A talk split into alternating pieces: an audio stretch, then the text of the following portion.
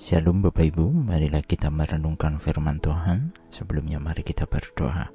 Tuhan kami hendak merenungkan firman-Mu. Roh Kudus pimpinlah kami. Di dalam Tuhan Yesus kami berdoa. Amin. Bacaan saat ini diambil dari 1 Tesalonika 5 ayat 19. 1 Tesalonika 5 ayat 19. Janganlah padamkan roh. Setiap kita hendaknya melakukan panggilan untuk kebenaran dan kesalehan. Karena kita telah memperoleh kasih karunia dari Tuhan, sehingga setiap kita yang telah diselamatkan dari perbudakan dosa memiliki keinginan sungguh-sungguh untuk berubah dan berjalan dalam tuntunan kasih Tuhan dengan cara kita mentaati firman dan melakukannya. Memang setiap manusia memiliki kehendak bebas dalam dirinya. Namun janganlah kita memiliki untuk menyerahkan diri kepada tawaran dunia. Ketika Tuhan telah memurnikan dan membersihkan diri kita dari pemikiran dan kekuatan diri kita sendiri dan dunia. Bahkan mungkin ketika kita juga digoda untuk kembali pada manusia lama kita. Kita harus benar-benar mengandalkan Tuhan supaya kita mampu melawan kekuatan yang selain kekuatan Tuhan.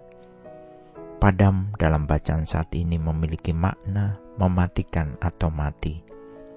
Roh Kudus yang tinggal dalam kita, ibarat api yang menyala dalam diri kita, yang berkobar membimbing dan menuntun kita dalam kebenaran ilahi. Janganlah kiranya api yang berkobar atau Roh Kudus itu padam dari diri kita, karena Roh Kudus penolong dalam diri kita itu berekspresi di dalam semua karya dan tindakan, serta sikap kita. Roh Kudus adalah penghibur, Roh Kudus adalah penolong, Roh Kudus adalah kebenaran. Dia senantiasa mengingatkan kita akan kebenaran-kebenaran Tuhan. Roh Kudus pula yang membentuk kita menjadi pribadi manusia yang memiliki kelembutan dan kasih seperti Bapa. Karena Ia mengarahkan kita dan memberi kekuatan dan perlindungan. Begitu besar karya Roh Kudus dalam diri kita. Oleh karenanya, janganlah biarkan Roh Kudus itu padam dari diri kita. Biarlah Roh Kudus pula yang mengambil alih kehidupan kita. Namun, kita mesti mengingat bahwa kedagingan kita itu lemah, mudah digoda dan tergoda.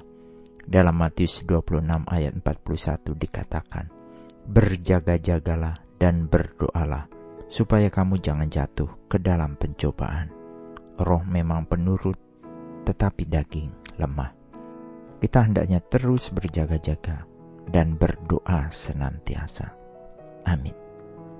Mari kita berdoa. Bapa Surgawi terima kasih ketika Tuhan memberikan roh kudus yang tinggal dalam diri kami sebagai penolong. Tolong sucikan dan kuduskan kami, supaya kami rela tunduk dalam segala hal pada pekerjaan pemurnian yang Tuhan kerjakan dalam hidup kami. Di dalam Tuhan Yesus kami memohon dan berdoa. Amin. Tuhan Yesus memberkati. Shalom.